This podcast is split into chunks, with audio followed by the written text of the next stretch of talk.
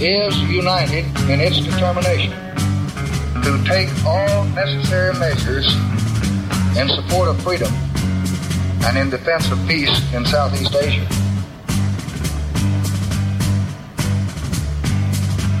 How are you, G.I. Joe? It seems to me that most of you are poorly informed about the going of the war.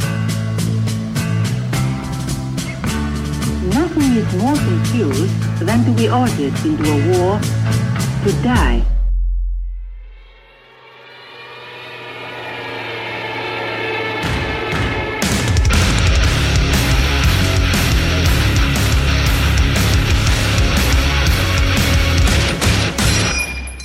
Ciao Mung!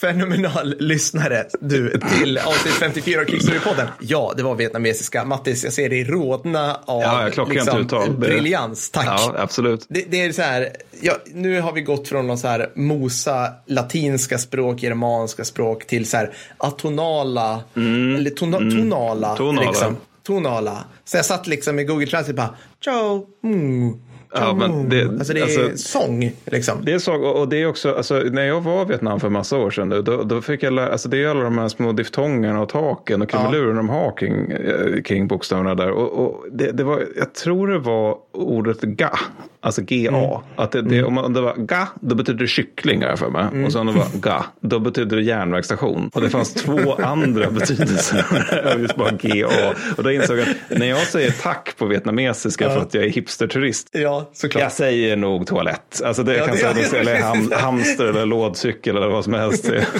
Och de så här nickar Ja, artigt. eller, så här, absolut, det är fint. gång. Bra. Vi, vi drev ut dig och dina likar tidigare. Ja. Vi kan göra det igen. Precis, Ja, ja. eh, och kära lyssnare, som säkert förstått så blir det idag extrema mängder eldöverfall, dödsskrik i djungeln och beriberi med extra malaria. ja, För vi ska återigen underbart till Nam. ja, och återigen så vill jag nu återigen utmana lyssnarna Ja, här. Varför i helvete vill ni inte att vi bara ska prata om Vietnam? Jag hade liksom- förstår inte det. var jättespännande att skriva det här manuset till att börja med. Ja, jag håller med. Vi, vi- vi, hade så här lyriska försnack inför det här. Som Ja, var så här, ja, ja, det- "Ah, vet du vad de gjorde? Är det sant? Nej, det Ska vi avtäcka vad- det är vi ska prata om? Ja, ja, vi ska prata om segrarna av. Vietnamkriget. Jo, vi!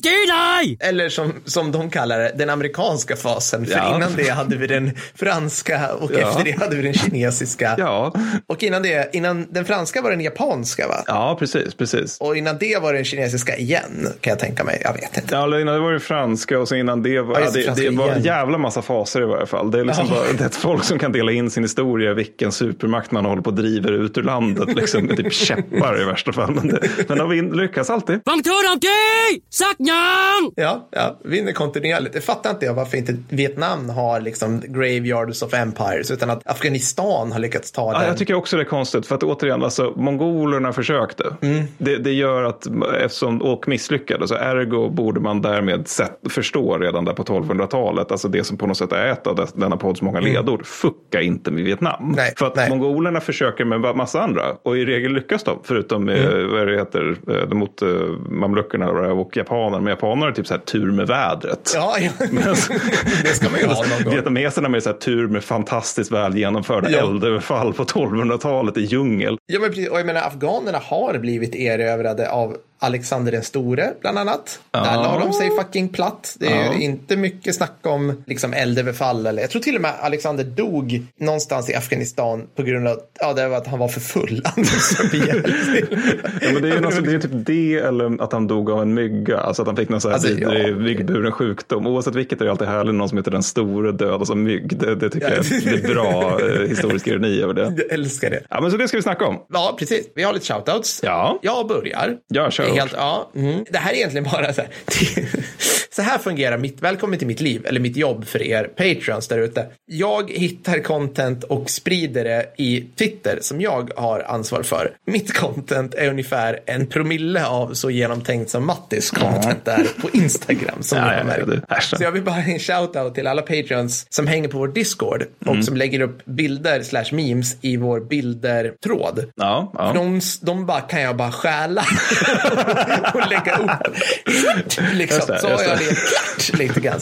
Väldigt, väldigt praktiskt. Ja, det är väldigt bra. Ja, men, eh, jag, jag tänker bara så här, så här görs korven. Ja, in till, jag, till, jag, till lä- att jag betrakta, läste liksom. en avhandling om nigerianska armén för att göra ett Insta-inlägg. Jag vet. Eller inte hela, jag får du det. serverat. Mattis gör en avhandling. läste. Men ja, Ja. det var jävligt svårt att koka ner det till, till textbegränsningen. Ja, nej, men det tycker jag är en väl värd shoutout för det. alltså. Jag vill bara, ni ska bara ha det. Underbara människor. Mm. Indeed. Ja, nej, men jag, min shoutout går till, då ska vi se här, eh, Tove. Som hon Mm. skrev, ert avsnitt om första världskriget var nog något i särklass det bästa jag har lyssnat på. Och med det avser hon då vårt stora avsnitt om första världskriget. Mm. Inga problem att ta sig igenom längden, fick dela upp det på ett par arbetsdagars pendling. Hade gärna lyssnat på fler långkörare. Mycket bra avsnitt hälsar både jag och min make som är mindre förtjust i sociala medier men desto mer glad i poddar. Så tack Tove. För det jag tänkte, tack. Det, stort tack till och med. För grejen att det har varit några som har hört av sig, eller ganska många till och med, och sagt att just det avsnittet, det här var det nu var sex timmars avsnittet om VK1, att det var liksom på något sätt piken och sen därefter antar jag det har det dalat. Men, men, men att det, det, Ja, var ändå- det är lika det var- bra att lägga ner. Kan, är det, är det, nu får det vara bra med det.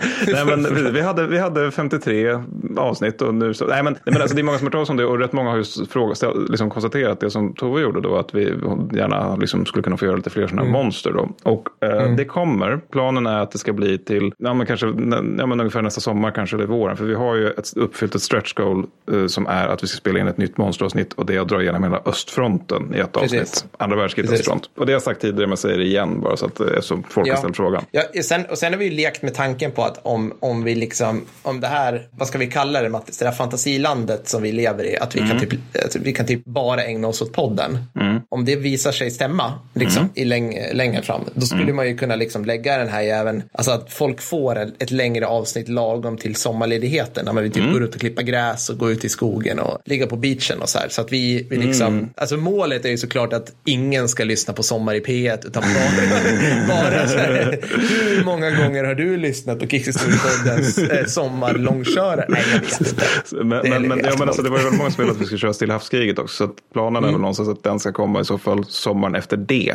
Givet att vi kan fortsätta med det här bygget. Och den är vi ju töntigt sugna på för att du, alltså du, jag, jag, jag får ju liksom vara den avlastningsindividen som du hör av dig till Ja. under ditt research inför östfronten. Ja, Och det är liksom som att se dina, dina glasögon spricker av alla siffertabeller som du går igenom när det är liksom utslagna stridsvagnar. Så Ja. jag är ju taggad på just eh, stillahavskrigföring där det blir liksom lite mer bajonetter, ära, Just det, ja, just malaria Mm. också såklart. Men, ja. Beriberi, Rakit. Ja, Beriberi, ja. Sen har vi en riktigt bloddrypande shoutout Mattis, Ja. som eh, vi måste ta. Och det här fick vi in, jag blir lite så det, det är en, Vi har en kille här, jag skulle vilja kalla honom hjälte. Erik med C. Du har fan, har, du har blivit av med ditt finger i tjänsten, slutcitat. Har din vän och hjältemodiga kollega Christian beskrivit för oss. Ja. Det här känns, vi, vi har många frågor, men vi tänker bordlägga alla de frågorna för vi har hört att ni, många på er underbara arbetsplats lyssnar på oss. Så vi bara så här, vi bara låter denna, denna fakta överskölja oss och, och så, simmar vi iväg i glädje över det. Men ta hand om det Erik. Ska vi säga så Mattis? Ja, vad ska vi krya- säga? Ta hand om det, krya på det känns det som Ja, rimligt. verkligen. Liksom. Får du ett så här robotfinger? Kan man få det? Finns det ens? Alltså det borde ju fan... Så man kan... Okej, nej, man... nu, nu går vi vidare med det här. Ta hand om det Erik. Ta hand om det Erik. Men, ska vi köra lite, lite Vietnamkrig eller? Äntligen. Jajamensan. Kan vi få höra Internationalen? Vietnamesisk nationalsånger känns så rimligt.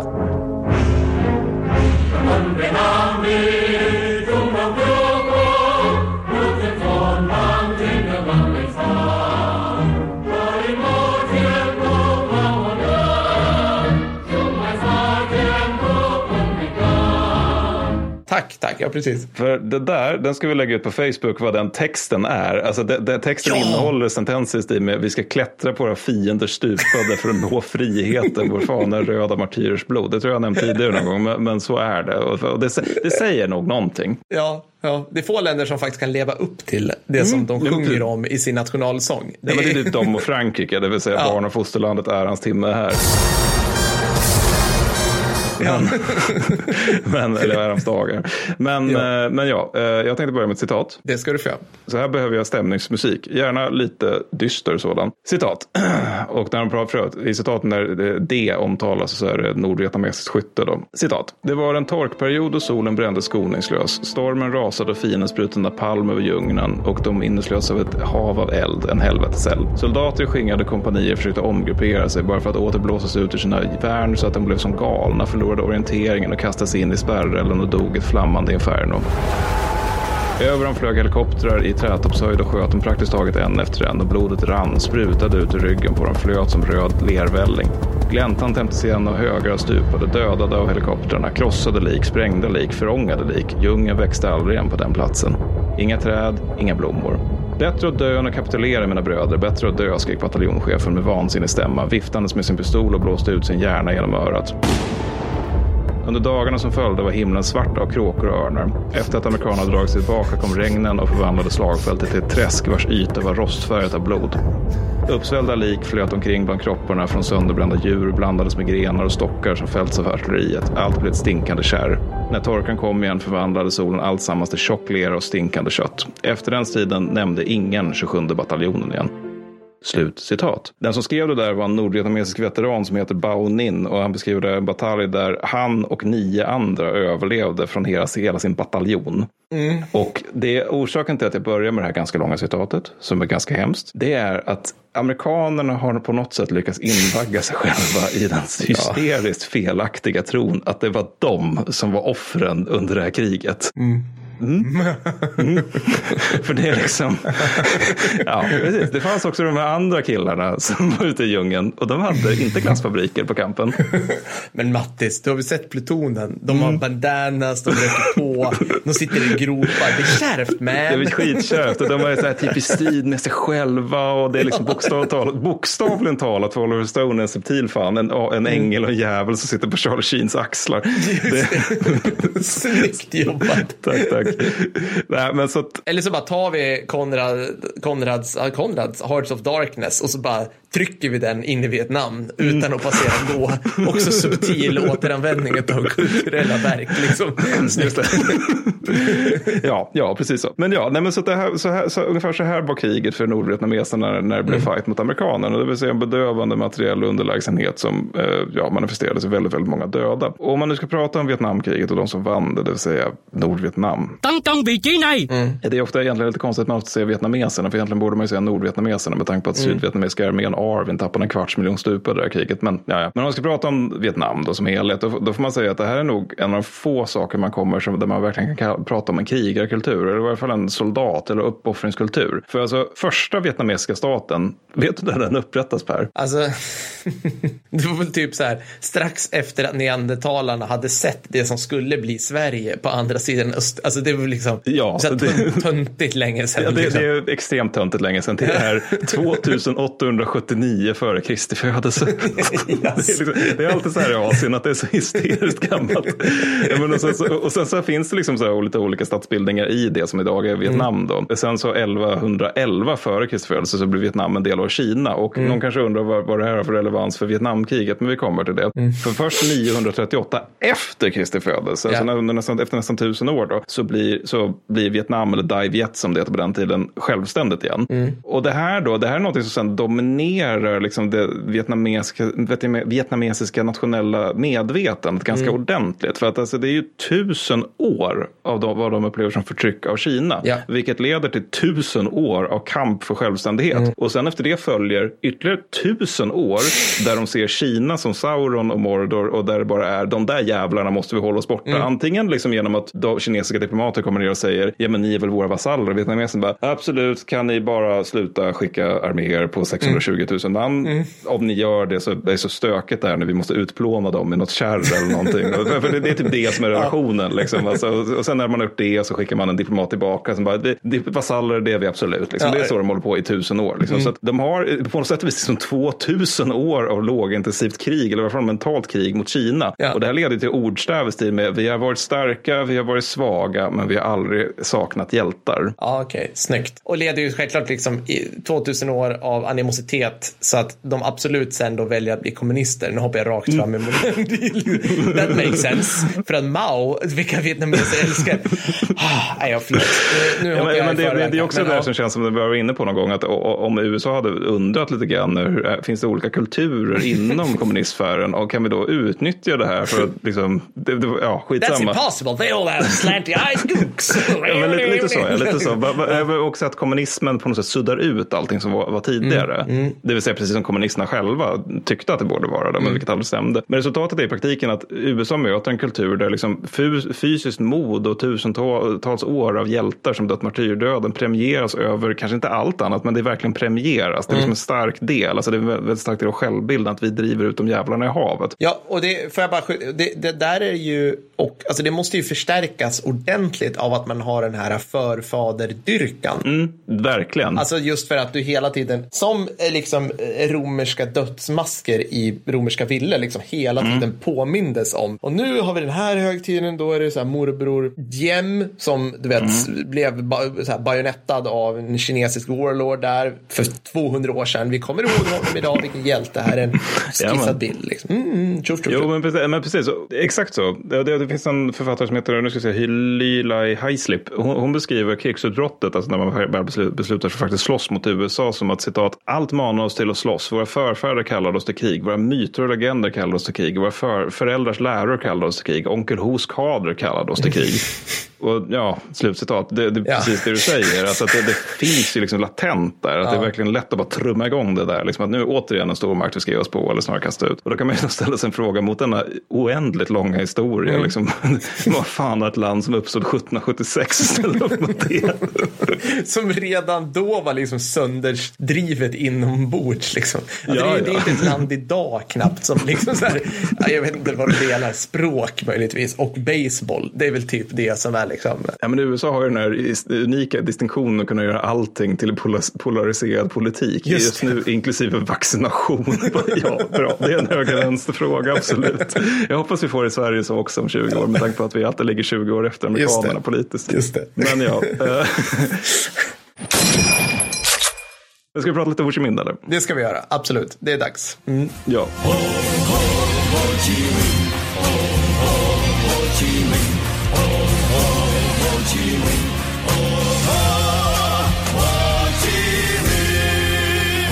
Ja, men han är ju jäkla rolig för att äh, han, han blir ju, liksom, han, han är ju känd som en vietnamesisk kommunist. och Så här. Men det roliga är att han blir liksom kommunist typ för att han snubblar in i det efter, eller under efter första världskriget, eller slutet av första världskriget och eh, alldeles efter det. För att då är det liksom så här att han ser sig om lite grann i världen och bara, vad finns det för läror som skulle kunna vara bra ifall man har ett land som man vill liksom få självständigt från de jävla fransoserna. Hmm, Lenin har här en handbok om Just det. kolonial frigörelse. Vad praktiskt. Och det där är liksom, det där är typ det som är orsaken.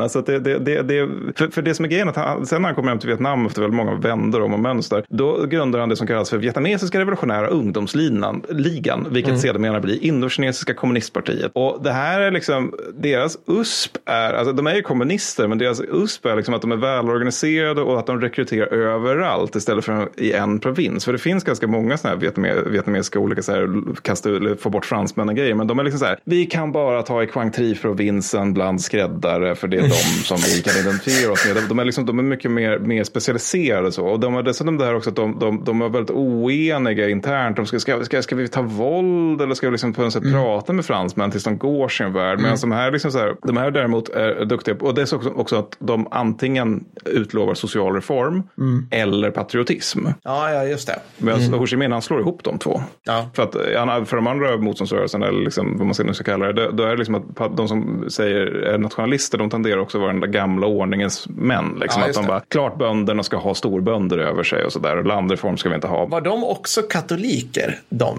Ja, I södra Vietnam framför allt, men det Ja. finns också en hel del katoliker i Nordvietnam. Det kommer bli en del statsvetenskaps-sociologi-podden. Välkomna allihopa. Ja, ja. Eh, men vi tenderar ju att snabba in där. Det... Ja, jag, jag vet, jag vet. Det, det är liksom så här, vi kommer också, vi kommer klippa in liksom så här galna vietnamesiska bajsfällor, eldöverfall och eh, Ja, det kommer, det kommer till det. Ja, men, men man man måste på något sätt lägga in upp manegen lite grann för att förklara det. Liksom. Det- Och, eh, så bara, så, så, och um, fransmännen hade varit där, inte så här dödsportugisiskt länge, så här 600 år, Nej, nej. utan typ så här 100. Alltså knappt. Ja, men det är liksom. som 1870-tal tror jag. Alltså Ja. det, det, så det är inte aslänge, det är det inte. Sent att skaffa en koloni. Sent in i matchen kan det kännas som. Ja, eller i varje fall, i varje fall i Asien. Alltså, Ja. Afrika koloniseras ju ungefär under den där tiden. Men, men, men absolut, det är i Asien. Men, men det kanske är för att också att de där statsformerna i Östasien är ju, det var ju liksom faktiska stater så. Så att det, kan, Mm. det var ju lite mer om och men när man skulle ta över dem. Så där. Men sen så insåg man att vi har krutvapen. Eller snarare vi har krutsprutor. Mm. Men oavsett då, sen, sen kommer japanerna och uh, Ho då, han, han bildar Viet Minh, vilket är det som ganska många känner igen då som det som kommer bli Viet Cong.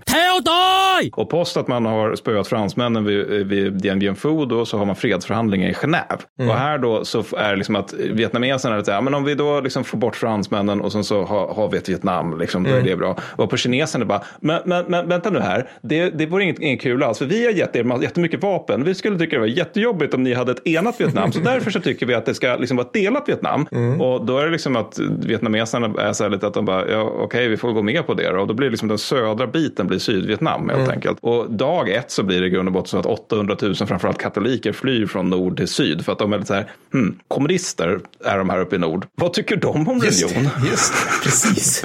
De tycker inte alls om det. Religion som delas av kolon, eller så här, kolonistaten. Eller Precis. Liksom. Ja, men vad tycker du om det? det, det, det kanske inte favoriten. Liksom. Precis. Och sen så sker det samtidigt en folkförflyttning på, från andra hållet. För det finns liksom svinmycket Viet Minh som har varit nere och fightats i Sydvietnam. Mm, Och de drar upp till nord. Förutom 15 000 som blir kvar lite så här utifall att. Liksom, om det är så att vi kanske behöver folk med vapen liksom, här nere i syd. Kan det vara bra? Ja, det kan vara bra. Och tanken är då liksom att man ska ha val i hela Vietnam då. Ja. För att bestämma vem, vem ska styra det här landet. Mm. Då. Men Sydvietnam vägrar för att de, de fattar att Ho Chi Minh skulle vinna. Vilket jag tycker är en bra, bra demokratisk impuls. Men jag tror väl redan, eh, om det är Ho Chi Minh som säger det direkt eller om det är någon annan som bara säger det här är ju bara en övergångsperiod innan vi blir Ja, ja. enade igen. Liksom. Det här var ju bara Ja, ja, för ett visst. sätt att få ut, få ut fransmännen. Och det är precis lika, precis lika ad hoc-dragning av gränsen om jag minns rätt som liksom Nord och Sydkorea i princip. Liksom. Mm. Ja, ja, visst. Men, ja, men, det, det, så är det. Alltså, för, för, från Hanois del så är det aldrig en fråga om att det ska finnas ett Nord och ett Sydvietnam. Nej, nej, nej. Utan nej, nej, nej, nej. Det här Nej. är liksom hela ett krig från och med att den här gränsen dras. Men samtidigt är de också lite försiktigare än vad man kanske tänker sig. För Diem-regimen som styr i syd, den är sjukt auktoritär. De har Mm. ett val, men då får Diem då som styr, han får 98 procent av rösterna. Mm. Och om man inte heter Tage God of War Erlander så är det ett tecken på valfusk. Ja. Och det här leder då till liksom att eftersom Diem är väldigt auktoritär och brutal och sådär, håller på att bråka på landsbygden, Mm. då börjar det så här lokala Viet Minh-celler göra motstånd och de här Mm. blir snart Viet Cong. Men det som är lite intressant här är att Nordvietnam, de är ganska försiktiga här i början, för de Mm. Okej, fine, det börjar fightas och skjutas lite grann nere i syd och kamraterna där nere, de vill ha vår hjälp, men det är ändå, vi har lite jordbruksreformer va? De är helt tokiga, folk kommer dö för vi är kommunister och vi jobbar så när vi har jordbruksreformer, men vi har dem och vi har också liksom det här med att landet fortfarande är helt söndertrasat efter Ja, att vi har ja. skjutit på fransmännen. Så att det är liksom så sent som 63 så pratar Ho Chi Minh fortfarande om någon form av kompromissfred då, som man kan ju tänka sig att det snarare handlar om att vi ska hinna bygga upp då. Men sen då, ganska tidigt skede så börjar amerikanerna skicka rådgivare till Sydvietnam och då är det liksom att Rådgivare. Ja, Ja, men, alltså i början är de ju mest där och så här Ja, ja, pekar ja. på Arvin liksom och säger det här är Sluta ska- vara dåliga. Sluta vara dåliga, Sluta sluta vara ana om 50-60 år innan. Precis, men det här är en bandvagn, det kan inte skydda den. Men, och de, de, de, får då, de här stackars rådgivarna får uppleva Apback 63, där alltså numerärt och materiellt underlägsen Vietminh-gerilla spöar mekaniserad sydvietnamesisk styrka. Ja. Bland annat använder de handgranater som pansarvärn. Vilket ju inte funkar, men det är det att Arvin-killarna blir så rädda så att de luckar ner och åker sig iväg. Så att efter det så kommer USA fram till att det här funkar inte. Det här funkar inte alls. Så vi får skicka in fler rådgivare. Och fortfarande är det så att Nord är ganska, ganska försiktiga för de bara okej det kommer fler amerikaner men okej men då skickar vi fler, mer materiell till Viet Minh så. Liksom. Vi kan inte hålla på och skicka NVA, alltså vår armé, nordvietnamesiska armén, inte stora NVA-förband, det är inte sådär liksom. Men sen 64 så sker en radikalisering i Hanoi för det som händer då det är att Giap som är liksom den som man brukar tänka på som den stora vietnamesiska generalen, han är typ politiskt utmanövrerad i det här laget och Ho han är bara sjukare och sjukare och sjukare. Jag har för mig att det är någon gammal malaria som sitter i sen andra världskriget mer eller mindre. Han är ju alltid på retreats i Kina. Ja, ja. Det är liksom Var är hon någonstans? Han är en kurort. Liksom. Ja, han sitter där och ser vis ut. Precis. Liksom. Bara, Åh. Jag vet inte om han var så vis, men, men det är väl, han har den där liksom äldre asiatisk herre-looken going for you. det är otroligt eh, obehagliga liksom, skäggväxtkänslan eh, tycker jag i varje fall. Men han, var Ja, ja, jag bara backa för han, han frågar väl också USA någon gång, alltså innan allt det här bara. Ja. Ni gillar ju inte kommunister så att ni kan ge oss vapen så kan vi vara era allierade här Ja. i Asien och USA bara I think you're a communist anyway. Typ. Sen liksom han bara, "Ja, okej då får jag bli det då. Typ. Jag minns inte om det var efter första eller andra världskriget, men han skriver något brev till, till någon amerikansk president som Ja. inleds med den eh, eh, amerikanska självständighetsförklaringen. Det bara, det här gillar vi också. Ja, och Vietnam är liksom öppet för exploatering. Ja. Vi har gummi, vi har olja, vi har alla de här grejerna. Det gillar ni, eller hur? Amerikanerna vad heter du sa du? Men oavsett då, så, så det, det, som, eh, det som händer då det är att en karl som heter Led Duan får, fått, eh, fått, får allt mer makt i Hanoi då. Och det leder i sin tur till att, att de blir lite mer stridbara där uppe och börjar skicka större förband mot syd då. Eftersom amerikanerna inte verkar vilja gå, eh, liksom, inte verkar vilja gå sin väg riktigt. Nej. Och dessutom hoppas de lite grann att amerikanerna, det här är någonting som är ganska tragiskt, det är att både amer- amerikanerna tror att nord bluffar hela tiden. Att man, man kommer liksom inte skicka så mycket. Och Mm. nordvietnameserna tror också att amerikanerna bluffar. Liksom att om, vi, om vi bara trycker på dem tillräckligt så kommer de gå sin väg. Men ingen sida riktigt funkar så. Och de börjar också aktivt försöka förinta Arwin då. Sen då 65, då sätts marinkåren in eh, eh, som nordvietnameser eller vietkong eller råkar, råkar skjuta mot, eller eh, inte råkat, eller gett, gett sig på eh, Pleiku, Äh, Vad är Pleiku? Måste bara, flygfält. flyg, det är ett flygfält, okej. För ja. det, här, det här kriget börjar typ med att amerikanerna bara, vi måste, vi måste försvara flygfält. Eh, och sen Ja, bara, vi måste försvara det. det. som är kring flygfälten. Och sen så blir det här kring bara större och större. Sydvietnam är i praktiken ett flygfält. Eh, nej, men så de är 150 000 man i landet till- till 65 och då helt plötsligt kan man fråga sig, är ni just rådgivare längre? Och det är de inte riktigt. Mm. Och Nord, de hoppas liksom hela tiden på, som sagt, då, på att då, USA bara ska vilja visa lite styrka och sådär. Men det är först liksom, kring 65-66, där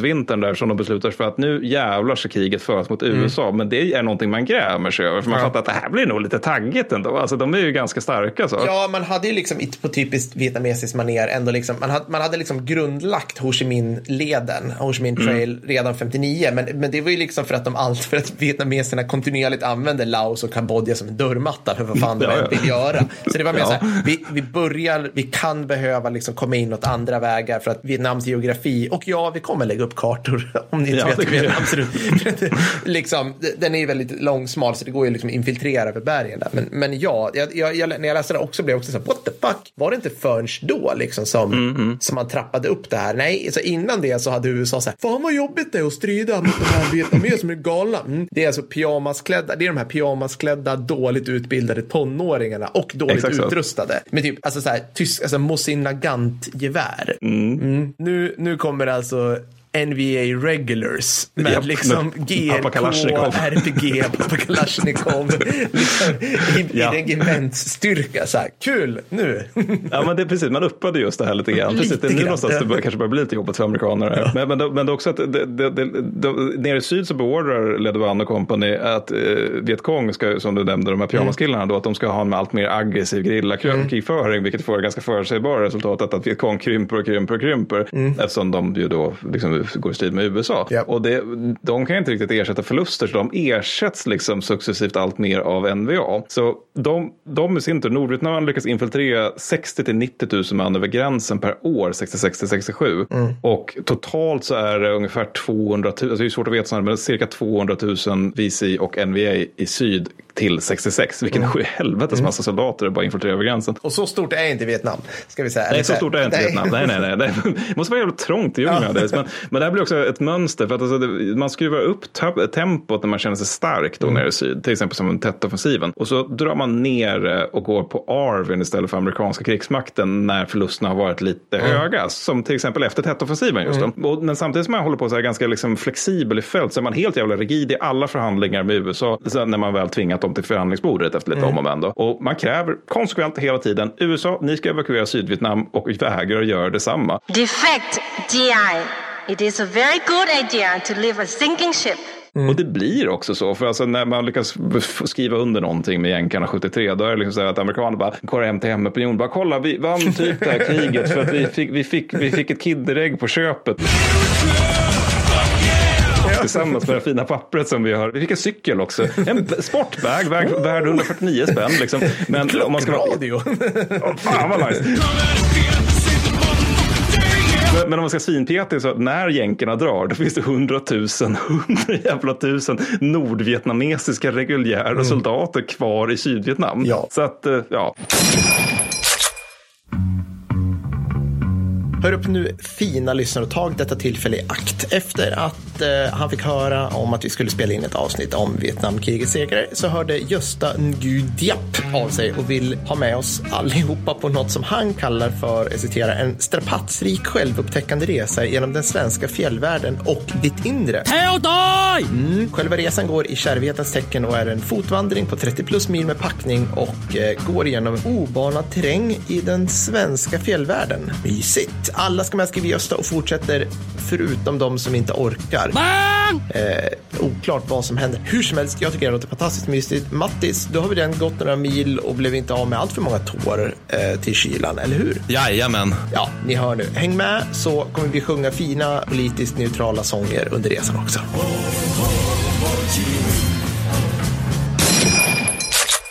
Nej, Men så det, det är ungefär så att det kriget inleds och fortsätter. Men jag älskar, älskar just den upplägget, precis som du sa, så här, de är svinrigida i sin förhandling, alltså Nordvietnam. Och de är också svin, alltså det är det här som är så här, det är nu vi kommer in på liksom paradoxerna tycker jag, kopplat till just alltså MVA. Och det det är som vi brukar säga, Mattis, det är liksom att armén är en förlängning på staten, alltså kriget är en förlängning på politiken. Och jag, jag tycker liksom att MVA är ett perfekt exempel på det, här, för att om du då, unge man här, 18 år, då blir uppkallad för att göra din värnplikt som är två år, då vet du så här att okej, det finns en chans att jag är kvar i Nordvietnam. Och då kommer min tillvaro vara som vilken annan alltså värnpliktig i dödsfattig kommunist tredje världen armé över hela världen. Alltså du kommer typ så här, du kommer typ inte få lära dig någonting vettigt militärt. Eller väldigt, väldigt kort. Du, liksom, du, du gör en GU på typ tre månader och sen kanske du får någon specialistutbildning. Det mest, alltså det, det mest avancerade du kommer lära dig, det kan vara typ så här att skruva på en gammal sovjetisk luftvärnskanon eller liksom prata i en gammal sovjetisk radio. Fel, en kinesisk kopia Just det, just det. av en, av en, av en rysk radio. Liksom.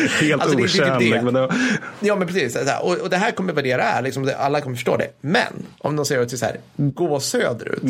Då, då, upphör, alltså, det, då upphör allt. Alltså, rigi, alltså, rigiditeten försvinner. Och jag ska försöka förklara det här så att lyssnarna förstår. Alltså, rigiditeten försvinner och ersätts av en slags alltså, fatalistisk rimlighet på något vis. Eller logik. Eller liksom, för, för vi tittar ju på Vietnamkriget nu som en slags handbok för hur man spöar USA i fält. Liksom. Så, att, så att då är det plötsligt bara, gå söderut. Ja, men hur lång tid då? Vet inte. Mellan en och fyra månader kanske, beroende på ja, hur mycket ska jag bära. två till sex till och med. Ja, precis. Två till sex. kan ta ett halvår här i värsta fall. Det, Vi, vi har ingen aning, det beror på om du klarar det. Alltså, och på vägen dit, här, men jag, liksom, nu, nu sitter ju alla lyssnare där ute, eller så här, Kapten YouTube, så här, ja men det är lugnt. För, att- för, att, för att vietnamesen är en born jungle warrior. just det, just det. Den här som är födda och uppvuxna i Hanoi. Ja, precis. Liksom. Och då, samtidigt säger liksom skomakarsonen, precis, från centrala Hanoi, bara, Ja. jag har aldrig sett djungeln. Nej. Någonsin. Jag har Trollen ingen aning. där. ja, trollen bor Vi går inte dit. Nej.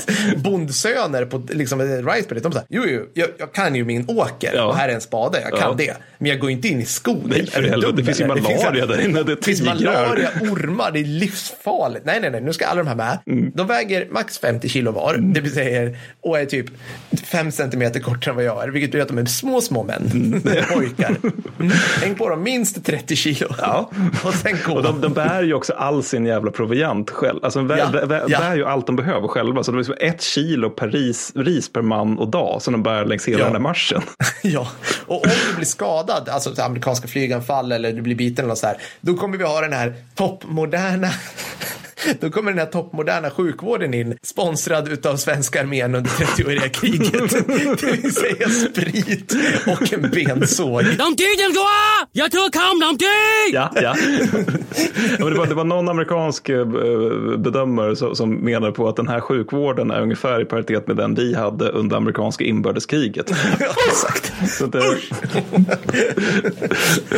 Nej, men det, jag tycker det är fantastiskt. det är väldigt fantastiskt. Ja, och sen, och sen liksom samtidigt så är det så här, en grej som jag inte fattar, kan du förklara för mig? Men det är så här, det finns, för, för att gå lite på org, jag gillar ju org och tasks blablabla, allt det där. Så att allting bygger på en treenighet. Det här tror jag är väldigt sovjetiskt själv. Men alltså kommunisterna, eller vad ska jag säga, vietnameserna tar det till en, en, en högre nivå. De, vi pratar ju, eh, amerikanska, eller svenska försvarsmakten pratar vi om stridspar. Man, gör, man ska göra allting i par. Och så är vi delbart, delbart på två alltihopa. Här så kör vi stridstriss. Ja, det det vill de. säga att, liksom att den minsta enheten är inte individen, utan det är ju trissen, liksom, precis som stridsparet. Där ska man då sätta sig ner, typ en gång per dag, och prata om allt. Man ska erkänna sina skulder och då own up till hur man svikit revolutionen just den dagen. Och det här tycker jag är intressant faktiskt, för att frågan är om det här, alltså var det bara, var det bara fake? Alltså var det bara liksom forcerad, så här, eh, vad ska man säga, nästan religiös skambeläggning av sig själv och sen går man vidare med så? Eller är det här faktiskt ett, avsatt, ett avlastningssamtal som byggde liksom enhet, alltså unit cohesion? Alltså jag Förstår jag jag förstår absolut Det är vad du menar. Ja, det är en, intressant det här, väldigt, det är en liksom. väldigt bra fråga. Alltså jag, jag, jag, spontant så låter det väl som att, alltså att så här, det, det där är väl insp- inspirerat av den här maoistiska självkritiken. Ja. Och den syftar ju väldigt mycket till indoktrinering och så vidare. Så det kan ju vara liksom, för, för de här stridstrissarna skulle ju hålla pli på varandras i- liksom, disciplin, moral och ideologi. Mm, bland annat, Utöver att de citat skulle vara närmare varandra än bröder. Slutcitat. Mm. Men, men, men jag tänker att eh, syftet kan nog vara liksom att de just ska liksom ideologiskt indoktrineras genom att liksom, åh gud vad dålig jag är, jag åt ris idag, det borde jag inte ha gjort Mm. för det, det riset kunde någon annan ätit och så vidare. Men samtidigt, tänk att praktiken borde väl bli den du säger, att man sitter där och bara, vi hade B52 över oss i natt och det var så där, jag skulle vilja Mm. Ja. prata om det. Alltså att man, men säkert, jag, jag tänker att det kan nog vara både, lite både och. Liksom. Alltså att det är en grej som är det teoretiska varför man gör och det, det andra är liksom det praktiska varför man gör det i fält. Ja, för att alltså, läser jag om det här, liksom, så har man läst hur, hur liksom, enskilda amerikanska soldater roteras in i Afghanistan. Eh, eller förlåt, Vietnam, du ser, freudiansk felsägning. Ja. men, men jag skulle, alltså, det är nästan så att man hellre skulle vilja ha den gruppgemenskapen som vietnameserna har. Ja, ja, än, men- än den enskilda amerikanen som blir bara, upp, liksom. Ja, men inte annat för att de bor ju, alltså de som överlever bor ju så fruktansvärt länge ute i djungeln. Alltså de, Ja. de, de, har, de, de har ju alltså som upp, alltså när de marscherar ner längs Ho Chi Minh-leden, Mm. då har ju de uttalat att du tjänstgör tills du antingen har stupat eller segrat. Och det innebär ju Ja. att de som är där nere länge, han Baunin som jag citerade i början där, han tror jag tjänstgjorde typ så här, här 9-10 år nere i syd. Och det, det, är liksom, det är inte helt ovanligt. Det är en ganska återkommande grej när man läser vietnamesiska veteranskildringar eller Det beskrivningar här av är din vietnames- värnplikt, Ja, men liksom, du Alltså, bara gör det här under din 20-årsålder tills ni har vunnit. Och om du inte har vunnit, då har du dött. Det är bara så enkelt Precis. det är. Liksom. Och permission tror jag inte man ska tänka allt för mycket på. Eller, för jag tror inte det var så mycket som gick, eller det förekommer för mig, men, men det var nog liksom ingen, det var nog liksom ingen stridström av soldater som gick upp längs Minh-leden. Utöver om man Det var det inte. Det var väldigt, väldigt enkelriktat. Ja. Ja, så att, så att liksom, det, det här tycker jag är, ja, men så, så, precis som du var inne på, den maoistiska självkritiken, så är det här, alltså det är ju en sinnessjukt, hela NVA, eller People's bla bla bla, Republic, ja, allt det där. Det, det är ju People's. Liberation Armed Front har jag för mig att det är. Tack, PLF. tack. PLF. Det var en otroligt genompolitiserad organisation där liksom, alltså kommandot det på eh, kompaninivå var delat mellan liksom kommissarien, Mm. politiska kommissarien och kompanichefen. Mindre divisioner vad brukligt är, strax under 10 000. Vad beror det på då? Jo, såklart ingen tross. Ja. PGA, Ja. Lex, jag menar, så här, Lex Östasien, så här, japaner bara ingen tross, ingen ska tross. Däremot så finns det något som borde som förtjänar ett eget avsnitt som jag bara ramlade över. Mm. Grupp 559 Mattis, Jaha, vad är det? grundades 1959, det är de som bara pysslar med att underhålla Ho Chi Minh-leden. Ja, just de jävlarna, ja. de byggde Mm, de väl är 50 000, pipelines? ja, de gjorde allt.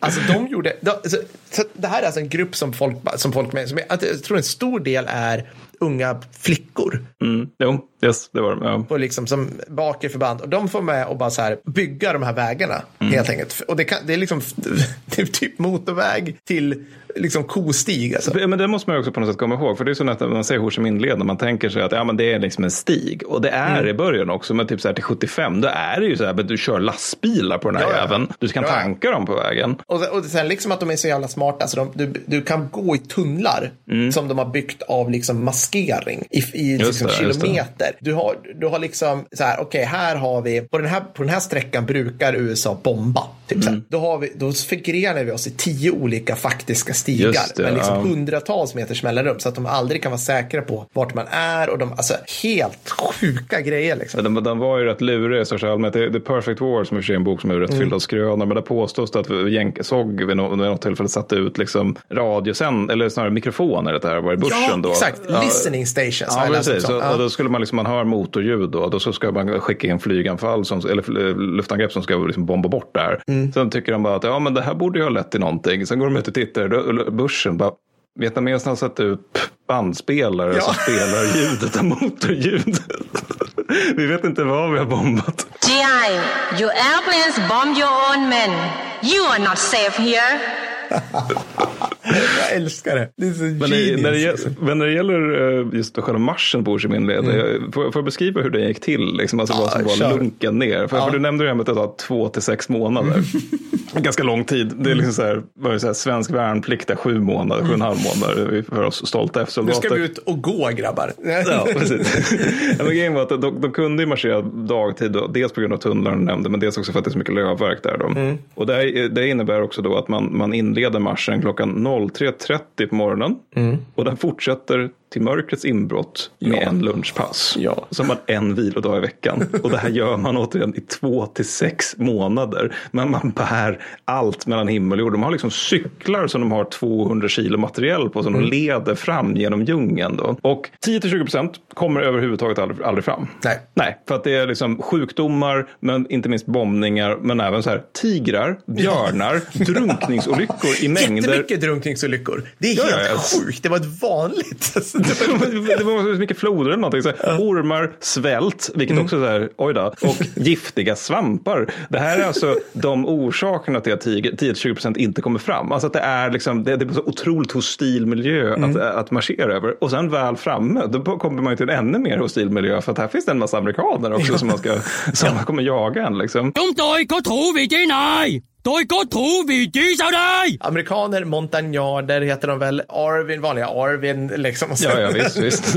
Fan hans moster. Nej, men, det, det, här tycker jag är sjukt coolt. Alltså, för att som jag, som jag sa liksom så här så var det så här. Alltså, din, din grundutbildning var inte så mycket hänga i granen. Men på den här, på vägen ner, mm. på det här fruktansvärda sättet så mejslas det ju fram lite grann vad det är för en individ. Ja. Alltså nu, nu börjar vi komma, och det här skulle jag aldrig ta i min mun, men vi har ju tidigare skrattat åt det här som Dan Carlin pratat om toughness. Alltså vet du, folk är bara tuffa, men alltså Vietnam, är, alltså, det, är- alltså, det, det, är- det är svårt att liksom sätta, det, för, för när de väl kommer fram och de tas emot utav det mottagande förbandet, men nu måste vi tänka att vi är liksom precis på gränsen innan, liksom, alltså mellan, förmodligen är det kvar Laos, på andra gränsen har det Vietnam, Sydvietnam, och då tas de emot utav typ så här, de sex överlevande veteranerna från det senaste bataljonsanfallet. Det. Alltså, sen liksom, för att de har genomfört en operation, det här regementet har gått från att vara 900 pers till 23. Ja, men liksom, det är ja. typ den. Men de som är kvar, de är så jävla veteraner. Alltså Ja. de har ju liksom överlevt världens enda supermakts alla försök att ha ihjäl dem. Det är ju liksom det som är grejen. Så det de gör då, det är att liksom ha en extremt praktisk utbildning i så här, exakt det här ska ni göra, exakt så här. Det här. Vi gör det här på grund av den anledningen och där och där. Och där, där liksom så så till, exempel en av de grejer som jag tyckte var så roligt, GRK-utbildningen. Ja. Du har nu överlevt där. För serviser i syd var en del av utbildningen att skjuta skarpt på amerikanska gröna baskrarna baser på andra sidan gränsen. Vilket är ju liksom fatta, alltså, att det är anfalla. Okej, okay, nu är skarpskjuten grabbar, vad ska vi skjuta på den där basen där borta? Jaha, och det måste ju vara så att amerikanerna där sitter och bara Jaha, nu är de i den skjutveckan. Det märks ju att skotten... De har Ja, en del, de en del att jobba på ändå. Ja, precis. Vänta, andra, andra pjäsen drar åt höger. Det där var inget... Nu går vi in i gasen igen. Ja, men precis. Men, men det, det var ju, det var, det var någon, jag minns inte vilken författare det var som var, det, men det kanske var Baun Inde också, men som beskrev det här med just hur kommis, politiska kommissarier som kommer ner från nord, de var så här uppfyllda av att vi är partiets representanter, vi, vi är för lite för fi, vi är alla jämlikar, men vi somliga är lite mer jämlika Ja, än andra. ja. Vi vägrar gräva värn. Men det var liksom konstaterat att efter första luftangreppet, då grävde alla. Alla Så grävde fan värn. Och det är väl liksom lite just de här veteraner snackar om, att alla fattar att man ska gräva. Mm. Men, men de, de har också en ganska intressant militär struktur. För att eh, det, det är ju liksom att man har på något sätt tre steg i den militära strukturen. Dels, Mm. dels är den lokala strukturen som är typ så här bönder som gräver ner en vägbomb då och då. Alltså, vilket ju också känns väldigt likt Afghanistan i grund och botten. Att man, Mm. Oh, ja. man är inte riktigt sådär, liksom, sådär att man krigar mot USA. Men man kan liksom, eh, vad fan, jag, bränner, jag gräver ner en oxe här, liksom, Ja. får det gjort så. Och sen så har man reg- regionala och det är liksom heltidskrigare på en viss, i en viss region. Så. Mm. Och sen så har den tredje strukturen, det är reguljära och det är main force, det är ju då alltså NVA eller Vietkong. Men Mm. det lite intressanta är också att main force är i sin tur indelade i två undergrupper, alltså de två länderna. Och det, Vietkong som alla associerar till, eh, till Vietnamkriget, de är enligt amerikanerna B-laget. Alltså Mm. Ja, så som ja, du ja. beskrev det. Alltså det är ju liksom, de har sämre stridsvärde, sämre utbildning, alltså de har ingen materiell. Och NVA ser de mer som så här att okej, men ni har djungelvana, det är bra. För det ger lokalkännedom. Mm. Och det är att liksom, VC ofta får vara guider helt enkelt åt Mm. en NVA. Men sen har vi då NVA, det som vi har tjatat om tidigare, det är en reguljär armé. Just det. Men de strider som en gorilla på, gerilla på grund av amerikanernas eldkraft. Och där tyckte jag du hade en väldigt god poäng i försnacket. Just det, precis. Tack. Tack Mattis för den. Det var snyggt. Tack Mattis. nu måste jag bara här frenetiskt hitta mina anteckningar. De, förlåt, en klipp där. Nu, vad fan, ja där. Det var bra. Inte en gerillaarmé, kolon, lägg ut texten. Tack Per, i dina egna jävla... Förlåt. eh, jo, så här. De, alltså en gerillaarmé, om man tittar liksom på hur det ska bete sig, så ska det liksom, det ska vara en del av folket. Man ska gömma sig bland folket, bli en del av folket, agera liksom mot fiendens svagheter hela tiden och framförallt försörjas av folket. Det ska liksom finnas en, en möjlighet att liksom inte rotas upp. Men det NVA gör, om man ska vara pill, petig här, det är snarare att de anpassar sin taktik fenomenalt bra efter sina egna styrkor och för att hitta fiendens svagheter. Alltså de, de ägnar enorm kraft att få ner förnödenheter. Alltså, alltså det här med att leva på något vis på svinfattiga, alltså det, det hör ju, du hör ju själv, du kan inte ha 100 000 plus NVA regulars som bor i djungeln och förlitar dig på att svinfattiga vietnamesiska Så kommer det bönder med donationer, liksom, Nej, så, det- så det- crowdfundar det här kriget i praktiken. Nej, nej, nej, det är helt kört. Liksom, så. Och samtidigt är det också så här att de, alltså, de- har, alltså, den militära militära strukturen slutar inte finnas. Det är bara det att amerikanerna är så jävla, alltså de taktikanpassar inte lika bra som NVA gör, helt Nej, enkelt. Och då nej. har man tittat på det här och bara, oh shit, det är så där man gör för att bedriva gerillakrig. Och liksom de bara, nej, det är så här man för smart krigföring. Mm. Alltså det, det är liksom, vi har, ju, vi har ju kvar alla militära strukturer. Liksom. Ja, men det är ju som vi pratade om i försnacket, det är ju att det påminner på något sätt lite grann om delar av kalla krigsförsvaret under, i. Sverige. Just alltså det. Att, det är så här, är så här, brigader ska genomföra eldöfall, liksom en hel hög vapensystem. Så här, det ska vara en snubbe som kan avfyra en robot mot ett flygplan och sen kommer han, men sen ska han bara springa. Liksom. Alltså, Precis, all, alla är disposable som vi sköt. Nej, men liksom, ja, men det, det är så att hela, hela förband ska bara ob- eh, kriga sig Ja. bakom ryssarnas linjer. Man bara förutsätter att de blir avskurna dag ett. Liksom. Alltså att, och det, det handlar ju inte om att svenska armén är en gerillaarmé, utan det handlar ju mer om att den just, som du säger, anpassar sig efter att man har en överlägsen motståndare i grund och botten. Precis. För, för alltså, grejen är att det där är något man blir ganska trött på i amerikanska krigsfilmer. Det är typ så här We Were Soldiers. Där är det väldigt, väldigt mycket det här med liksom att ja, men det har en amerikansk skytteslusk mot en eh, vietnamesisk skytteslusk. Då är liksom den amerikanska skytteslusken så inåt helvete mycket bättre. Alltså att han slår ihjäl tiotals av dem med sin hjälm och så vidare. Men alltså så här, rent duellsituationer naturligtvis inte så att det är någon större skillnad i stridsvärdet mellan de två. Men det är ju mer det liksom att amerikanerna är överlägsna i rörlighet, samband och eldkraft. Och det gör ju liksom att NVA försöker med det här som Mao gjorde, liksom att de vill efterapa honom. Men då insåg de ganska snabbt att vi kan, det finns liksom inte tillräckligt mycket utrymme här. Alltså Mao, han kunde gömma sig i Yan'an, det är stort som Frankrike. Det kan inte vi, för så stort är inte Vietnam. Utan de får ju istället så här, dels sprida ut sig i byarna lite grann, men också gruppera, som du beskrev, väldigt mycket ute i djunglerna. Och att man har goda skäl att gömma sig, det tycker jag nu här, eh, Trung Nu Tang har ganska, Ja. eh, förmodligen perfekt uttal, det Ja. namnet, eh, beskriver ganska väl. För han beskriver B52-anfall så här, citat. På en kilometers avstånd så knäckte ljudet från B52-ornas bomber trumhinnorna, vilket gjorde att många av djungelns invånare blev permanent döva. På en kilometers avstånd så kunde tryckvågen halvt slå ihjäl sina offer. Alla träffar inom en halv kilometer gjorde att ej förstärkta bunkerväggar kollapsade och begravde det som sökte skydd inuti bunkern. Slutcitat. Jesus Och då Christ. gömmer man sig ju. Ja. För vad fan, alltså det där är bara ett vapensystem Ja. som jänkarna kan släppa lös. Sen har man liksom alla andra former av flyg. Allt jävla artilleri. Ja. Alltså det, det är liksom, ja. Men jag, jag tänkte vi skulle snacka lite grann om Bodoj också, den nordvietnamesiska skytteslusken som vi nämnde det där med Mm. Duellsituationen. Mm. Grotta ner oss lite i den här stackars individen. Fan. Ja, för det är fan synd om honom. För det är, han är ju frivillig ganska ofta, men oftare än inte så gör han sin värnplikt. Där, va? Och då, han är med någonstans mellan 16 och 45 års ålder grund och botten. Och eh, han strider i regel två dagar i månaden. Så att det är den absoluta minoriteten av allting han gör under sin tid nere i syd. Då. Och resten så vilar han, vilket är viktigt. Eller gömmer sig, vilket är ännu viktigare. Eller odlar mat. Just där har vi det där igen, Ja, logistikproblemet. ja, ja. Man får bara ut och odla. Liksom. Och bataljoner de by- byter läger flera gånger per månad. Liksom. Och det var en bataljon jag hittade där som bytte läger 63 gånger på fem månader. Vilket är väldigt ofta. Det måste varit så jävla så här svårt att hålla sambandet med alla dessa. Alltså det är Ja, någon ja, regementschef. ja. Mm. Vart är mina bataljoner? Vad är divisionschefer? Bara, jag vet är tre pers, ingen har Uppe i Hanoi, bara, vi, liksom. får, vi får motsägelsefulla uppgifter om att vi har en armé. Men så mycket mer än så Kan vet vi skicka inte. en brevduva? Tack så hemskt mycket. Ja, men liksom, ja. Precis, precis. Ja, men grejen också att jag menar, man minns hur tråkigt det var att resa tält Mm. i lump och sådär. Alla suckade och stånkade över det. Det var jobbet liksom. Men de här jävlarna, de upprättar ett nytt läger en dagsmarsch eller två ifrån det förra. Mm. Och det här ska vara under lövverk då. Så helst tre löv, Mm. lager lövverk. för Det är det bästa. Det ska gå försvar, det ska gå befästa. Och det de gör sen det är att de gräver värn, bunkrar och skyttegravar varje jäkla Mm. gång de gör det här. Så att de, de hittar någon kulle. Sen så fyller de den jävla kullen med värn och, och, och gångar liksom. Och vietnameser då. Och alltså, till och med mateldarna ska vara under jord. De har så kallade guldgitarrer som de kallar det. Som är att man liksom på något sätt ska göra eld under Okej. jord. Och sen jänkarna ska Men det är för att man för ut röken längre bort och så vidare. ja, ja, men, men det är just att de gör det här alltså, flera gånger per månad. Så ska de bara, vi ska väl skotta ut ett berg i grund och De är botten. romare fast mer Ja, men de är hardcore, romare. Liksom. Alltså, det är ja, men, liksom- ja, faktiskt. Precis, fast under beskjutning. Ja, och det, allt det här då, liksom, utifrån näringsintaget. Två risboll, kalla risbollar per man. Och då utdrygas med apor, fisk eller annat som kan jagas i djungeln. Liksom. Det är så exempel det här 30 man får dela på en hel kyckling. Och det är typ julafton. det är, då är det ju fest. Det hör man ju. Ja, liksom. ja, ja. Det, det är liksom...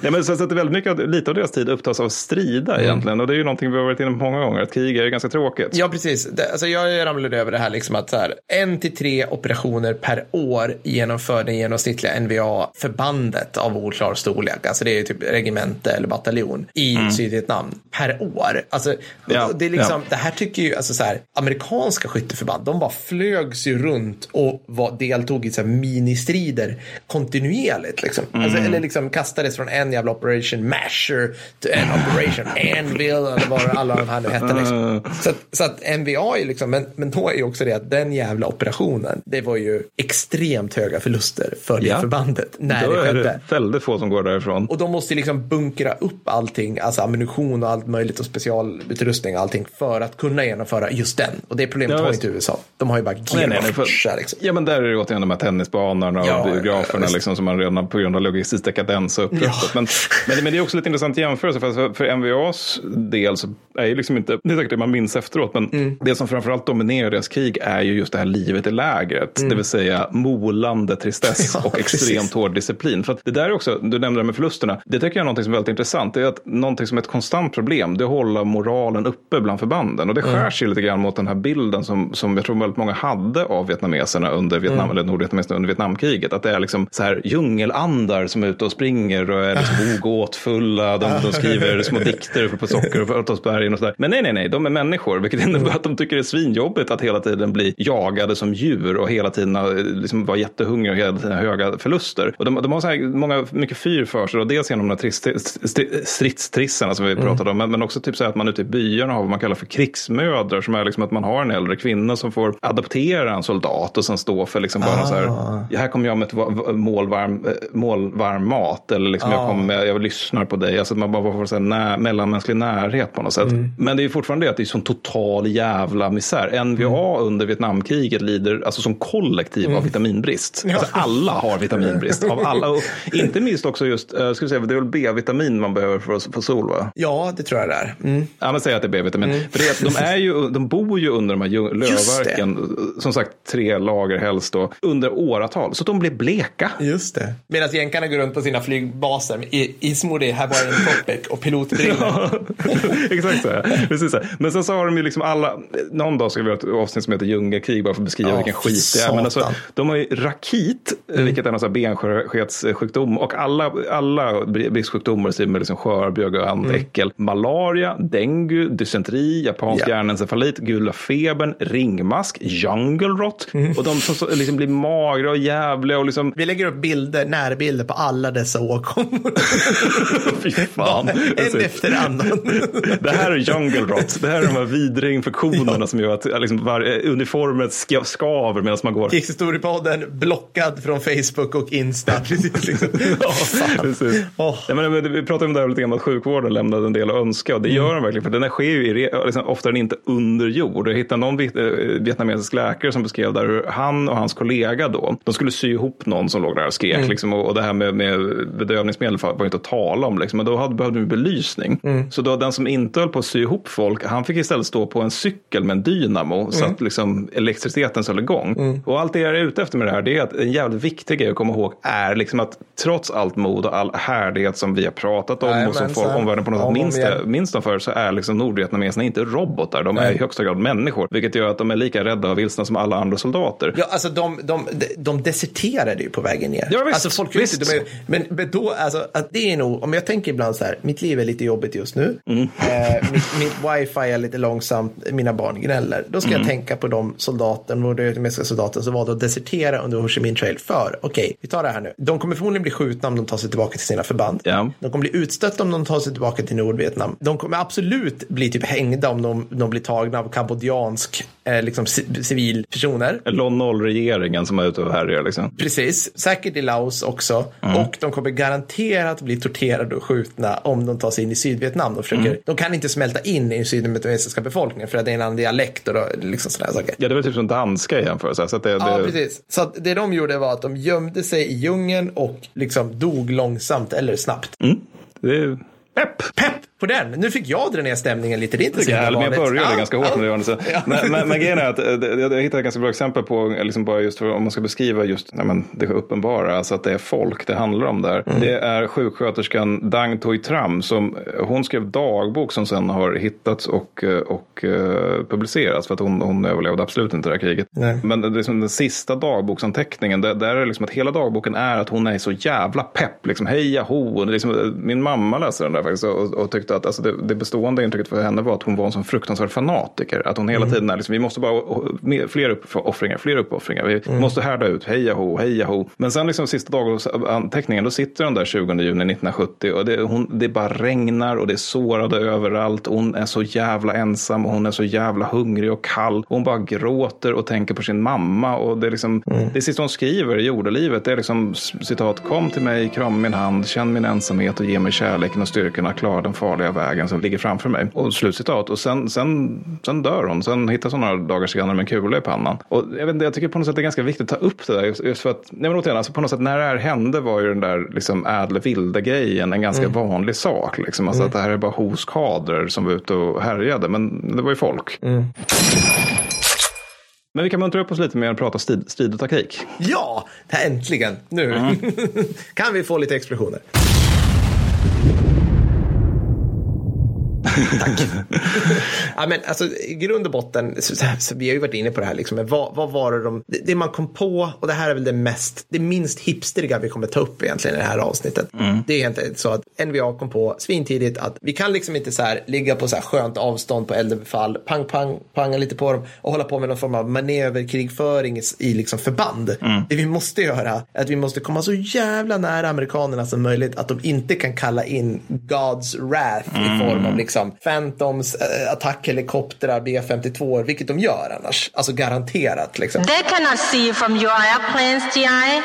They come to bomb you. De, de kallar det för att ta tag i fiendens bälte. Alltså bara Just det, precis. komma nära honom och sen försöka skjuta den jäveln. Liksom. Nej men precis. Men, men också det är samtidigt rätt intressant. Vet du, det var någon CIA-studie från sena kriget som bedrövat konstaterade att eh, NVA och Vietkong till, i 79 till 88 procent av fallen bestämde när strid skulle uppstå. Just det, Vilket är en det. jävla fördel att ha för övrigt. För, för det innebär ju också att alla de här svepningarna som amerikanerna har är i stort sett helt meningslösa. För att okej, okay, men nu ska vi ut och ha search and destroy här. Nu ska vi skjuta på det vi hoppas inte är bönder. Oj, det var en bonde, men det ser bra ut för body counten. Alltså att alla de är nära nog meningslösa, givet att vietnameserna inte bara känner att äh, men vi ställer upp till dans här också. Liksom. För annars är det ju så här bara man är ute och går i, sk- i skogen och får malaria och jungle rot och så vidare. Men det, var- för nordvietnamesernas del så är det vanligaste förfarandet det eldöverfall då, mot amerikansk trupp på Mars. Näst vanligaste det är överraskningsanfall mot fa- fasta ställningar. Där finns det till exempel det här Fire, Firebase Rip, Ripcord och Firebase Marianne som vi pratade om i förra avsnittet om Vietnam. Det Just det. exempel. Och minst vanliga är ju regelrätta slagoffensiver. För det, det, Mm. då måste man ha byggt upp en sju helvete styrka. Men all strid grundas på, på det de kallar för fyra snabba, tre, en, nu ska vi säga, fyra snabba, en långsam. Och det man menar med det är att det är snabb marsch till striden, snabbt anfall, snabb rensning av slagfältet, snabb reträtt och allt baseras på långsam, det vill säga grundlig planering. Och det här är, som det du var inne på, beroende på eh, amerikansk eldkraft. Man måste bara snabbt, snabbt, snabbt, snabbt få allting överstökat liksom, och sen försvinna. För Precis. att annars kommer det gå åt helvete. Så fort, så fort som alltså, NVA-soldaterna avfyrat den första kulan, eller de får syn på den, då, då, liksom, då sätter man klockan på Ja. att amerikansk luftunderstöd ska komma. Och det där, alltså, det, go, god planering är helt otroligt för att det där, liksom, det här tänker man inte sig för. Men de hade till exempel Dong, jag tror det var Dong Lac som var så specialförbandsbas. Det här är bara ett exempel av hur de gjorde. Då byggde de upp typ hela basen. Som ett övningsfält i djungeln. Och bara så okej, här har vi bunker ett, här har vi Just bunker två, du, du, du. Och så Ja. bara övar de om och om och om igen på det här. Liksom. Och det, det- det, är liksom, det är klart som fan, den gick åt helvete av andra anledningar, men, men det är klart som fan att det, att det liksom, då, då får det ju effekt. Jag menar, du och jag har diskuterat det här i tidigare avsnitt, att de utraderade ju vissa sådana här specialförbandsbaser också. Ja, Liksom. det gjorde de. Ja, men det där är så här klassisk amerikansk mytbildning. Ja, vi förlorade inga slag. Bara, jo, Nej. fast det är en- ändå några, så här, tre, tre, minst tre som jag kan komma på just nu som är rakt av torskar. Liksom, det, är mer, liksom, det finns inga slag under Vietnamkriget exklusive Tet, påskoffensiven och Ho Chi Minh-offensiven. Ja. Det är de tre Ja. riktiga, så fuck off-slagen så, om man ska jämföra med Precis. andra världskriget eller liknande. Och tätt tycker jag är roligt, för där, där bjuder de upp till dans och de är kvar på plats. Fram, framförallt i Hue, som Mm. jag har pratat tidigare om. Men det här är också så här, som du konstaterade i försnacket, så här, så här, ja men VC så här, slutar existera som stridande enhet liksom, i Mm. princip. Alltså de utraderas. Vilket känns ju jävligt stalinistiskt att göra med Mm. Ja, sina det allierade. det. Så att, Det det, det. här har vi ingen alltså, grund för överhuvudtaget, men det känns ju väldigt kommunistiskt. Nej, fast det, det har påpekats av Har det andra det? än oss. Okej, ja, det har ja. det. Men, men det är ju det här med liksom att vi- Vietkong var inte nödvändigtvis kommunister. Nej. Alltså, många var det. Men andra var så här, ja men det är klart vi kan kasta ut amerikanerna. För vi vill ha fria val sen. Det kanske, till exempel. mm, Eller kanske. liksom, man, man, man tänker sig något annat än det här som Hanoi har tänkt sig under Le Duan. Och då, då är det, liksom så här, det, är nog praktiskt då att de får agera stormförbanden un- under, under, eh, under tätt just. Just det. Och det är också så här intressant grej. För att jag var nära på att påstå att de, de blev arroganta där. Och det, det blev de ju på sätt och vis. Att de, de på något sätt förutsatte sig att hela Sydvietnam skulle resa sig och sådär. Alltså att de, de gör ju det här liksom tre gånger. Att de försöker rakt av ta Sydvietnam. Men, men det är samtidigt så att strategiskt så, så, att säga, så vinner de ju tätt på till så mått att de vinner politiken. Att hela USA bara, nu går vi härifrån. Det här började kännas lite real. Och grejen är också att de här offensiverna, de här, liksom Dak To för den delen, eller Hamburger Hill eller liknande, de, de bataljerna tenderar att slutas, eller avslutas när NVA vill det. Det var någon amerikansk soldat som uttryckte det ganska väl. Han konstaterade att jag såg aldrig NVA fly. Jag såg dem bara göra taktiska återtåg. Just det vill säga alltså att man är på Dak To-kullarna, man låter amerikanerna komma, man förlorar förvisso förmodligen fler än vad amerikanerna gör, men man får dem att blöda och sen när man själv blöder tillräckligt då går man sin väg. Och så håller man på så hela kriget tills amerikanerna har gått sin väg. För grejen att, som vi har varit inne på så mycket nu här, det, det, de vet verkligen hur man ska utnyttja sina styrkor. Alltså de, de är liksom, man skulle kunna skriva en liten bok som är bara så här roliga grejer NVA gjorde för att fucka med amerikanerna. Då för utöver att ta tag i fina bä- bälte så är det liksom så att de har fyr för sig i med att låt oss planera ett eldöverfall Ja, just det. där vi ja. misstänker att amerikanerna ska luftlandsätta. Så amerikanerna bara, "Arr, men det här låter som en bra, det, det här låter farligt. Vi ska nu luftlandsätta folk bakom de eldöverfallen. För nu har vi varit med om det några gånger. Nu tycker vi det är stökigt. Mm. Och på NVA bara, jag synar och höjer. Vi har nu eldöverfall bakom era andra luftlandsättningar. Så det är liksom så en jävla conga line av eldöverfall och luftlandsättningar. In absurdum försvinner mot horisonten. Ja, men det är också så här konstigt skitare, så här liksom att vid något tillfälle där amerikaner börjar slänga ut rök för att ja, nej, men vi behöver, vi behöver liksom få ner gear på den här platsen. Mm. Så vi slänger ut det, men jag vet inte om det är lila rök eller vad det är. Så, så, så att liksom vår, vårt, eh, våra flygstridskrafter ska kunna se det och skicka ner några lastpallar med vapen eller liknande. Varpå de gör det och så tittar de ut i djungeln och så ser de lila rök stiga upp över hela djungeln. För då är det några som har fått tag några rökgranater och bara plupp. Nej, men sen också sånt här som är riktigt jävla nasty som är i stil med att de, de, de ja, men Dakto är nästan det bästa exemplet på det, men det är liksom att de, de är ganska duktiga på att om de har en befäst ställning som de tänker, ja, men här, här kommer vi ta emot amerikanerna. Då har de tenderar de att ha liksom att man har den och sen så låter man amerikanerna framrycka. Men sen när amerikanerna har framryckt en liten bit, då visar det att, ja just det, vi hade tunnelnätverk längre ner. Just det. Och det har amerikanerna just gått förbi. Så att det innebär att vi kan skjuta på dem från två håll samtidigt. Och det blir jättejobbigt att vara i mitten av det. Jättejobbigt. You have lost this war, GI. Your army will leave you behind Ja, men precis. Och, och ibland så då, så helt enkelt så nyttjar de, eller de spelas i händerna av USAs usla taktik kan man säga, ja, alltså på gruppnivå. För att det är till exempel en här klassisk felaktig taktik att USA, de stöter på strid, de drar sig undan och kallar in luftunderstöd. Och det, då, har de, då förlorar man initiativet Mm. Ja. faktiskt. Ja. För det, det, till exempel så hade då, de, de pratar mycket om fortified villages i en rapport också som jag stötte på. Ja. Och då, då är det liksom så här, okej, här har NVA byggt liksom en jävla alltså, fenomenal dödsfälla. jag kan inte komma på något annat. Alltså, det, det här är hela, hela liksom, det är, det är alltså bunkrar förklädda till liksom jordkällare eller liksom eh, falska bottnar i liksom hus. Det är, pry, det är prickskyttar i träden och allting. En amerikansk kompani kommer dit, blir påskjutna från alla håll. De skulle vilja göra en social patrol, blir påskjutna från alla håll, tar massa förluster. Jänkarna blir skitförbannade, drar sig tillbaka. Nu jävlar ska, ska de här få se. Varvid alla vet Kong bara, ja ja, de drar sig undan. Nu kommer granaterna. Och då har de tid på sig att dra sig undan. Och liksom, för då tar de sig även sig ur en, en tänkbar inringning. Och det var här som var en av problemen, liksom att de här amerikanska generalerna, de vill ju liksom göra de här fantastiska inringningarna hela tiden. Mm. De har ju också läst sina liksom, andra världskrigsböcker. Att liksom, det är så du förintar förband. Och det är det som är syftet med det här kriget. Vi ska förinta förband, inte, inte på något sätt vinna politiken. Nej, precis. Och, och, och liksom en, till och med amerikansk trupp vill inte ha de här närkontakterna. De vill ju förlita sig på att de kan skjuta längre, för de har Mm. mer ammunition. Och kommer man nära de här liksom, bondesoldaterna från Nordvietnam, då blir det farligt. Ja, visst, visst. Men det, det är, inte. närheten är ju stora utjämnaren på sätt och vis i krigföring. Precis. Ja, det är väl det. Jag har någon form av postscript ändå. För Ja, liksom, om, man ska ska, få. om, man ska ha någon, om man har någon form av slutsats över det hela så är det ju det att de vinner på grund av att de har fokus på att vinna politiken. Mm. Alltså, när vi sitter och pratar om att de var duktiga på att slåss, alltså de förlorade ju fortfarande sju helvetes Ja, massa ja, soldater. visst. Det är ju så här, vad är det, 600 000 till en miljon beroende på vem som räknar. Ja. Stupade då kontra USAs 58 000 dödade Mm. och eh, Arvins 250 000 till 270 000. Jag tror det är 225 000, 270 000 stupade Arvin. Mm. Men så de förlorar jävligt mycket folk är det jag är ute efter. Men det är samtidigt så att de hela tiden har den fokusen på att vinna politiken. Mm. Det vill säga att de har till skillnad från alla andra läst Clausewitz och förstår vad han säger. Mm. Och sen också den här grejen som de har uppe i nord att det är en allians mellan social reform och nationellt självbestämmande. Att det, är och att man liksom lyckas koppla det till en gammal krigarkultur som betonar vikten av uppoffring för fäderneslandet. Det är Där kommer liksom, någonstans det här weirda toughness som vi pratar om. På Ja, det gör alltså, det. Som, Det gör som det. liksom amorft, som jag inte ger något annat land egentligen i nuläget Nej, men- än just Vietnam under den tiden tror jag. Men det är just det här, man kan liksom trumma upp tusen år av motstånd mot kineserna. Mm. Det, det, det, är nog praktiskt att ha.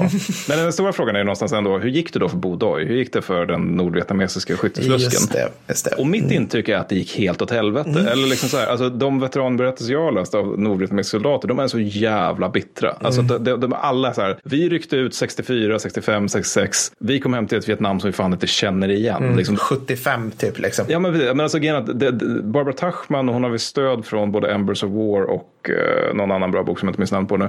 Menar på liksom att en, en förlust som vietnameserna gör är att de genomgår en sån helvete radikalisering av det här kriget. Att de offrar så satans mycket att det är liksom en mycket hårdare regim som kommer ut ur kriget än den som inleder. Alltså, det var inga duvungar, dunungar som satt i Hanoi innan kriget heller, men att det är värre, mycket, mycket värre. Och det vittnar också de nordvietnamesiska veteranerna om. För det är, liksom, det, det är som att de liksom uppmärksammas snarare än omhändertas. Liksom att de kommer hem och är hjältar och eh, sen så är det det. Punkt. Liksom. Och att det, är liksom, det, det, är så här, det var ju liksom inte den, jag har fått intrycket av att det kanske inte var den bästa säg, så här, PTSD-hanteringen i Vietnam Nej, efter nej. Vietnamkriget. Inga veterancentrum, inga staty eller liksom. Nej, nej, det fanns improviserade sådana i Hanoi tydligen. Det, Ah, det var, alltså, men det var så här kaféer då där, där man satt och eh, där man slöt sig till. Alltså veteranerna gick de just de här specifika kaféerna. Mm. Och då, där hade de det bra och tryggt för att där kunde det liksom, det var ingen som höjde på ögonbrynen ifall någon helt plötsligt bara ställde sig upp och skrek ut sin ångest över hur Mm. det hade varit i djungeln och mörkret där nere i syd för länge, Mm. länge sedan. Utan man kunde liksom bara krama om varandra och lugna varandra. Så. Mm. Men det är nog det närmaste de fick också. Och det är också ett intryck jag har det är att det är ändå förhållandevis vanligt med veteranträffar mellan amerikanska och vietnamesiska veteraner. Att det har faktiskt har blivit lite av en grej så här, under 90 och 00-talet, vilket är lite fint. Ja, absolut. Men jag tänkte av, avsluta med ett sista citat av återigen Bao Ninh. Då, för han, han beskriver i varje fall hur det var 75 när Saigon föll. Helt enkelt hur det var där och då var på Doi. Och då skrev han följande. In i stadens centrum en halv mil bort avfyrades luftvärnskanonerna för att fira segern. Men här ute var det märkvärdigt tyst. Röken från bränderna drev fortfarande över slagfältet. Men luften hade blivit svalare efter regnet. Atmosfären var sövande. Överallt runt flygplatsen njöt de segerrika trupperna av det de uppskattade mest. Att få vila. Slut, citat. Ganska fint slut tycker jag. Ganska pass- passande.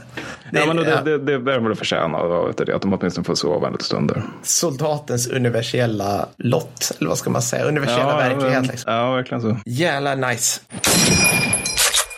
Coolt. Alltså jag tycker att det här avsnittet har gett mig, alltså jag- det, det, det, är mycket, det är sällan jag går igenom ett avsnitt och känner så här, jag har mer frågor än svar. Men det är Ja. lite så, alltså jag, jag vill liksom, jag vill, ve, alltså jag vill liksom, man vill veta mer på något Mm. vis. Att just vad var det som, som gav dem, jag vill ha bättre förklaringar, jag vill ha Ja, mer visst. förklaringar, mer Ja, vinklingar. Men skit i det nu, det ska vi ta fler gånger. Du, Ja. nästa gång Mattis, då blir det Spexit, då ska vi prata om Stilla havskrigets logistik. Mm. Vi har eh, vår patron Gustav Runis. Han har bett, bett oss att göra det här i ett tror ett år. Så nu kommer det Gustav, nu jävlar. Och alla er andra fem som väljer att lyssna på det här. Tack för att ni... Men det här blir Alltså, kommer bli- svinroligt. Det kommer bli fantastiskt. Vi ska prata om båtar som åker långt. Ja, med, massa, med typ så här friterade donuts i och Ja. glassmaskiner. Ja. Och eh, färska, färsk frukt kan vi Ja. prata om. Ja, ja. Vi ska till Bougainville. ja, som sagt, vi kommer grotta vidare vid ett namn. Mm. Ni kan inte hindra oss. Nej, det kommer omöjligt. Bra, och med det så tackar, för, tackar vi för oss, Kickstorypodden. Syns nästa Ja, gång. det gör vi. Ha det gott. Hej då! Hej.